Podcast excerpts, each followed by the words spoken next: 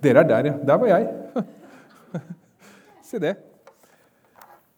Du, Så fint å se dere. Eh, Noen av dere har sett nyligere enn andre, men eh, veldig koselig altså, å møtes her. Eh, Så har vi hatt bønneuke den siste uka.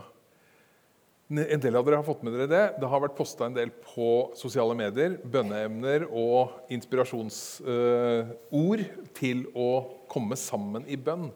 Og det er jo en måte å komme sammen på hver for oss, på en måte. Eh, og så er det det med bønn. Det er sagt og skrevet mye om bønn, og siste ordet er helt sikkert ikke sagt. Men denne lille stunda her så har jeg lyst til å fokusere litt på nettopp bønn. Eh, og noen av dere har hørt jeg har en liten, sånn, liten artig bønn som jeg kom over for noen år siden. Som noen av dere har hørt, men jeg må, må bare referere den. Jeg syns den er så søt. Fordi at det er altså en bønn som går omtrent som det her. Kjære Gud. Du ser at i dag har jeg vært ganske snill gutt. Jeg har ikke baktalt noen. Jeg har ikke ljugd. Jeg har ikke overtrekt kredittkortet mitt. Jeg har ikke tenkt en stygg tanke om noen. Men nå skal jeg snart stå opp. Så da kommer jeg til å trenge litt mer hjelp.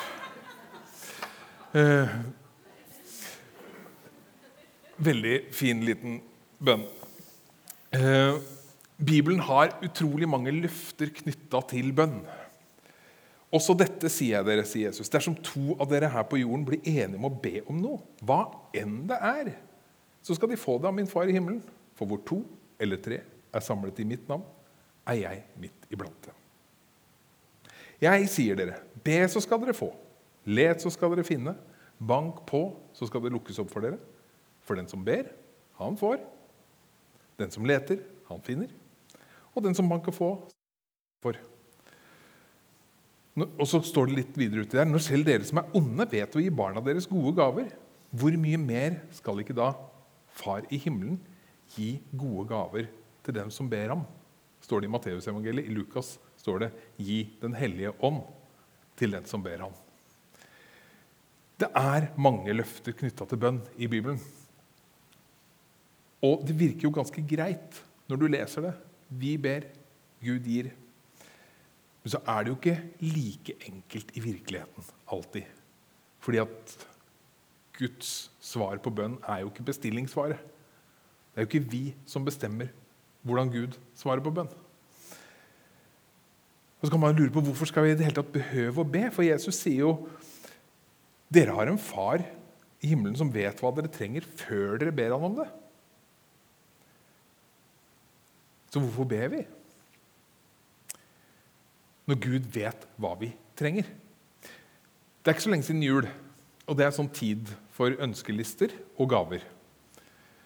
Og så tenker jeg, Hvis du, hadde, hvis du tar gavelista til en unge, han, sønnen min der eksempel, hvis han hadde skrevet opp en gaveliste, og hva som står på den, og så spør du meg hva han trenger, så er jeg ganske sikker på at det er litt sånn mismatch mellom det han skriver opp på ønskelista, og det jeg tenker at han trenger. Er du med meg på det? Litt sånn kan det jo være med oss i forhold til Gud også. Jeg kommer til Gud med en ønskeliste, og så er Gud litt voksnere enn meg. Så han vet bedre enn meg hva jeg faktisk trenger. Og da er det noen kontrollspørsmål da, man kan stille seg. Altså, Tar bønnen meg inn i tettere fellesskap med Jesus? Blir jeg bedre kjent med Gud? Forstår jeg mer av hans vilje når jeg tilbringer tid sammen med Gud i bønn? Eller kommer jeg bare med ønskelista mi? Eller en masse ord som jeg lirer av meg nesten på rein rutine? Fordi at be, det skal man jo. I Bibelen står det en fortelling om en gjeng som ba på en veldig konkret og kanskje nesten litt utagerende måte. De kom med en mann, skulle inn i et hus hvor Jesus satt, og det stimla folk rundt Jesus, så de kom ikke til. Så deres bønn besto i å klatre opp på taket, rive opp taket og fire denne lamme vennen sin ned foran Jesus. Det er en bønn, det. Veldig praktisk, veldig håndgripelig. Jesus skjønner nok hva disse vil. Der ligger det en lam mann. Hva ønsker han seg? Jo, han vil nok, han vil nok gjerne gå. Og så kommer Jesus med sitt første svar på den bønnen. Da Jesus så deres tro, sa han til den lamme sønn, syndene dine er tilgitt. Var det det de hadde bedt om? Jeg vet ikke. Jeg tror kanskje deres bønn var kan du helbrede denne mannen. Vær så snill og gjør det. Så ser Jesus at denne mannen trenger noe mer enn bare styrke i beina. Han trenger å få synden sin tilgitt, trenger å få eh, gjort opp sin synd for å komme inn i fellesskap med Jesus, for å kunne begynne å følge Jesus. Jesus så hva den mannen egentlig trengte. Og så var det jo noen der som syntes det var litt utidig da, at Jesus ga seg til å tilgi synder. Noen fariseere og skriftlærere som, som, ble ganske provosert av det. Hvorpå Jesus enkelt og greit sier, 'Hva er lettest å si, da?' 'Dine syndere er deg tilgitt', eller 'Stå opp, ta båren din og gå'. Og så kommer bønnesvaret som de kom for. Jesus reiser mannen opp og sier 'ta båren din og gå', og mannen går ut gjennom folkemengden. Men først ordna Jesus opp i det mannen trengte mest. Og jeg kjenner jo at det er ganske betryggende egentlig at Gud tar hånd om meg, som Linda sa. Altså, Gud er Gud, og så får jeg lov å være menneske. Men ofte så kommer jeg jo til Gud med en, en, måte, en forestilling om hvordan han burde gjøre ting, eller hva han burde gjøre. Og så viser det seg at han er voksnere enn meg. Så han svarer på det jeg virkelig trenger, det du virkelig trenger, først. Fokuset mitt og vårt er kanskje i overkant ofte på hva vi trenger, våre bekymringer, våre anliggender der vi lever. Og det er lov å komme til Jesus med det. Jesus er en, vår far i himmelen, full av omsorg, full av kjærlighet. Klart han bryr seg om de små tinga i livet vårt. Klart han bryr seg om hvordan vi har det. Men så er det jo på en måte hva, hva forventer jeg av han når jeg kommer til han med det? Jakob i sitt brev er jo ganske krass. da. Dere får ikke. Dere ber, men får ikke fordi dere ber galt. Dere vil sløse det bort i nytelser, skriver han til den gjengen han skriver brev til, så tenker jeg nja, det kan hende at jeg også ber om ting som egentlig er rein luksus. Det har skjedd. Jeg må innrømme det. Men så hender det også at jeg, jeg, ber om ting som jeg tenker at er etter Guds vilje. Jeg ber om kloke ting, føler jeg, da. Eh, men, men så får jeg liksom ikke det svaret jeg ser for meg at kommer. Så hvordan skal jeg be rett, da? Hvilket fokus er rett når man skal komme til Gud? Og jeg er ikke den første som har stilt det spørsmålet. Noen her har kanskje gjort det. Og de tolv gutta som gikk sammen med Jesus, de gjorde det, de òg. For de hadde sett nemlig at Johannes døperen hadde lært sine disipler å be. Så hadde de sett at Jesus ofte ba, ofte tilbrakte tid sammen med sin far i himmelen, trakk seg tilbake og så skjønte de at bønn er ufattelig viktig. Men hvordan gjør vi det? Så de kom til Jesus de, og sier, 'Herre, mester, lær oss å be.' Og den bønnen de kom med der, den svarte Jesus på ganske umiddelbart. Og den, det svaret, det hadde vi på veggen her i stad. For når Jesus svarer på den bønnen om å lære oss å be, så sier han slik skal dere da be. Vår Far i himmelen, la navnet ditt helliges. La riket ditt komme, og la viljen din skje på jorden slik som i himmelen. Hele den første delen av den bønnen handler ikke om meg, handler ikke om deg, handler ikke om våre behov. Den handler om Gud. Guds plass som Gud og Guds vilje med sitt skaperverk og med oss. Det handler om Gud og Guds vilje. Og så neste del gi oss i dag vårt daglige brød. Tilgi oss vår skyld, slik også vi tilgir våre skyldnere. Og la oss ikke komme i fristelse, men frels oss fra det onde. Det handler om oss, men det handler ikke først og fremst om hvilke behov jeg har i det daglige. Det handler om hvilket behov jeg har for å komme nærmere Gud. Hvilket behov jeg har for å gjøre min sak opp med Gud, og for å eh, ha min sak i orden med andre mennesker.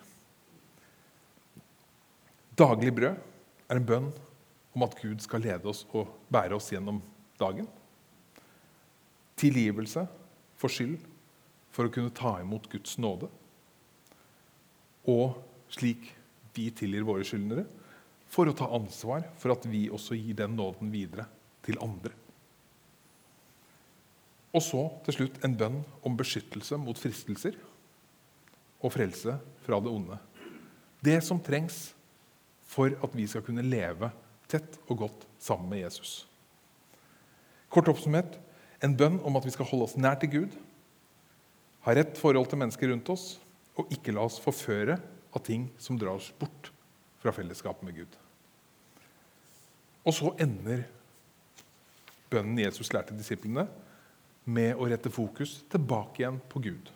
For riket er ditt, og makten og æren i evighet. I denne bønnen så ligger hele grunnlaget for å be rett. Sånn lærte Jesus oss det. Og hvis vi vil be rett, så må vi søke Gud, ha vår sak i orden med Han. Og så må vi kjenne Gud, vite hva han vil, og etter hvert kanskje til og med ville det samme som han.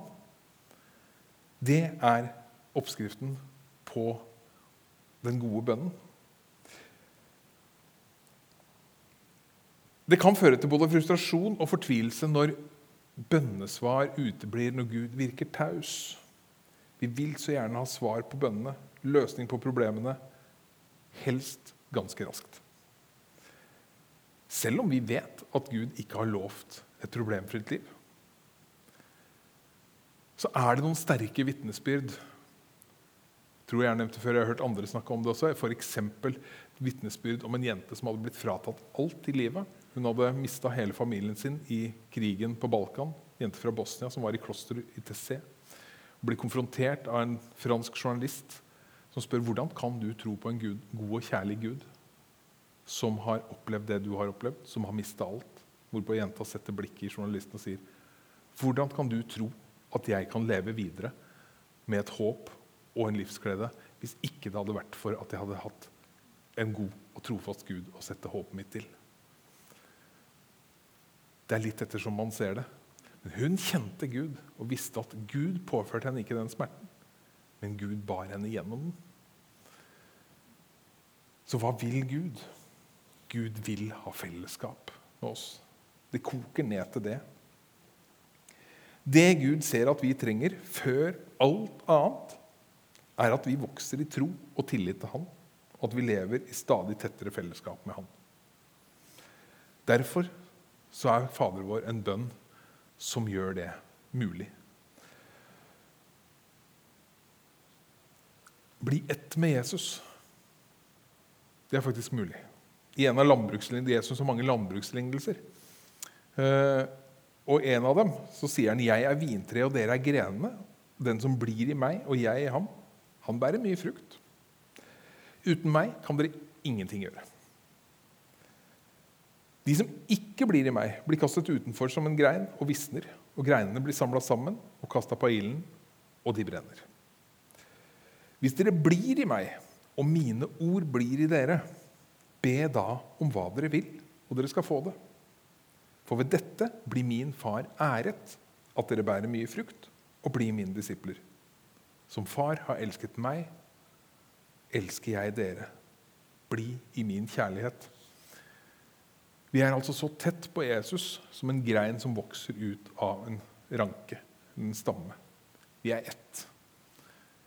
Så lenge vi blir i Jesus og blir i hans kjærlighet.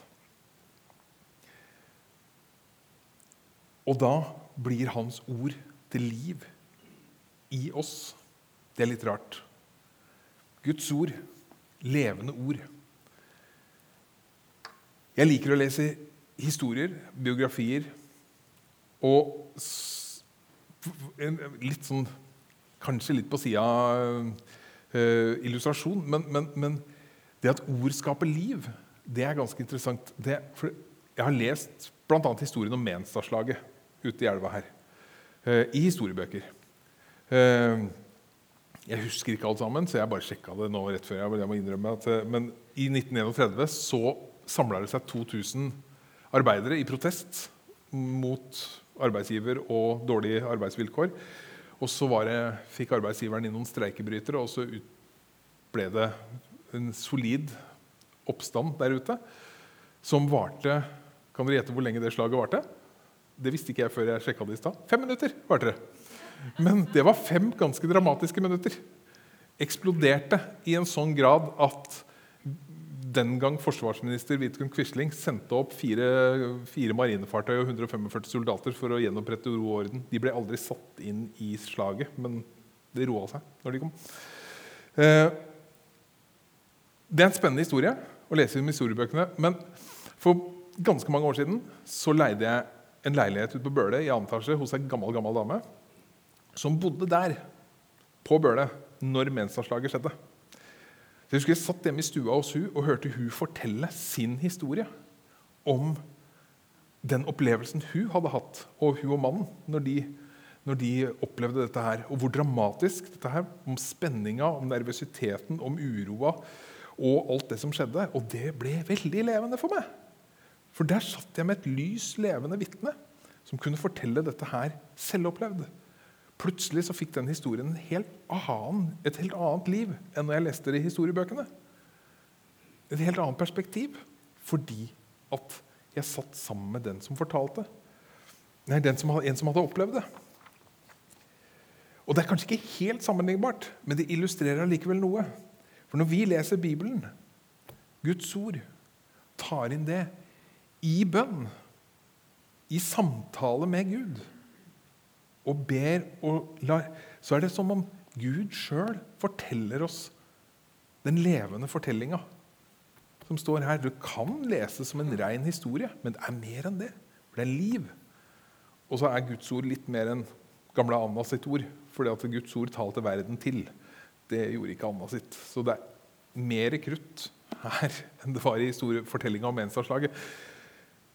Men det å be ha den samtalen med Gud. La seg prege av Gud. Hvis dere blir i mine ord, blir jeg i dere. Be da om hva dere vil, og dere skal få det. Da er vi så ett med Jesus i den samtalen at hans vilje og vår vilje blir den samme. Da gjelder det bare for oss å søke oss så tett inntil Gud, da. For der er det godt å være. Vi vil gjerne klare sjøl. Og jeg kjenner det, at jeg går mange ganger mange runder før jeg resignerer og kommer til Gud med ting. fordi at det,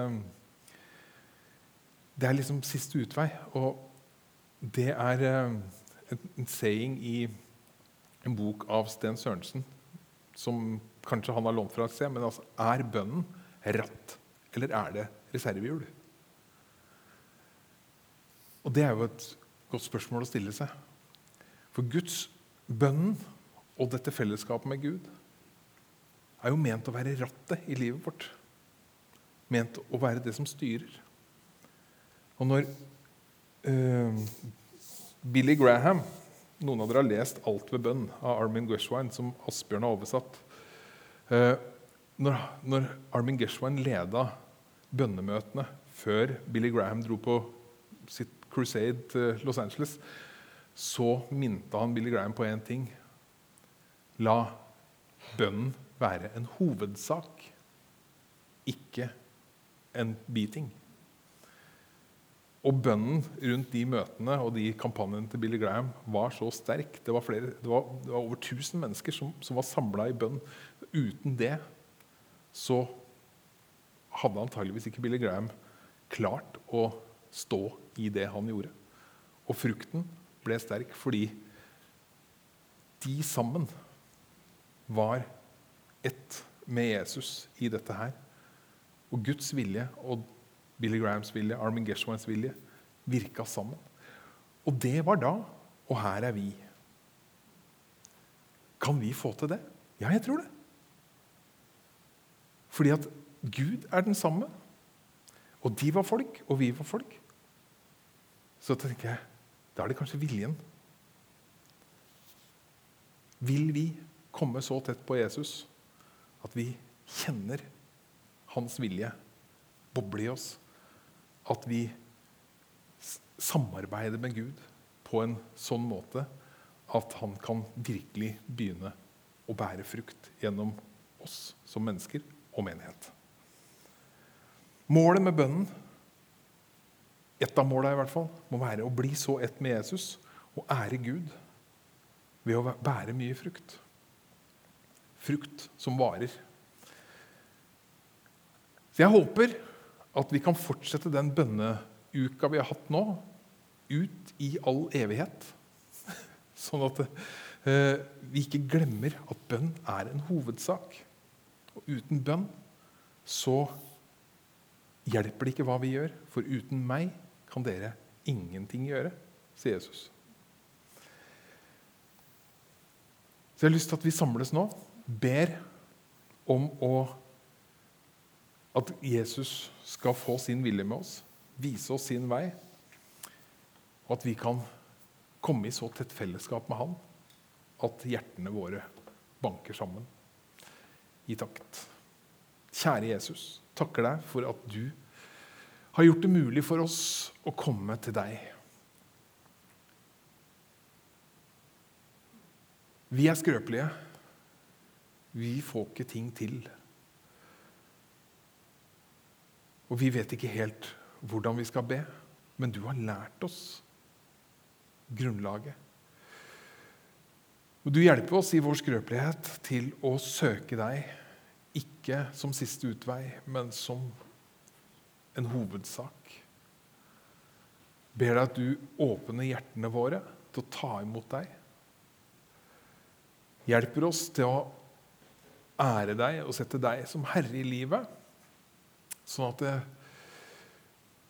ikke vi står i veien for deg, men at vi kan vise veien til deg. Hjelp oss å være ett med deg, Jesus.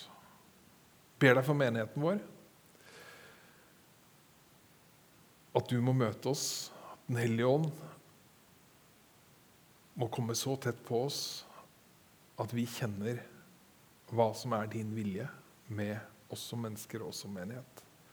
Og at vi sier ja til å følge din vei og din vilje. Legge vår menighet og alle som hører til her, i dine hender. Hjelp oss til å være gode greiner som bærer mye frukt. I Jesu navn. Amen.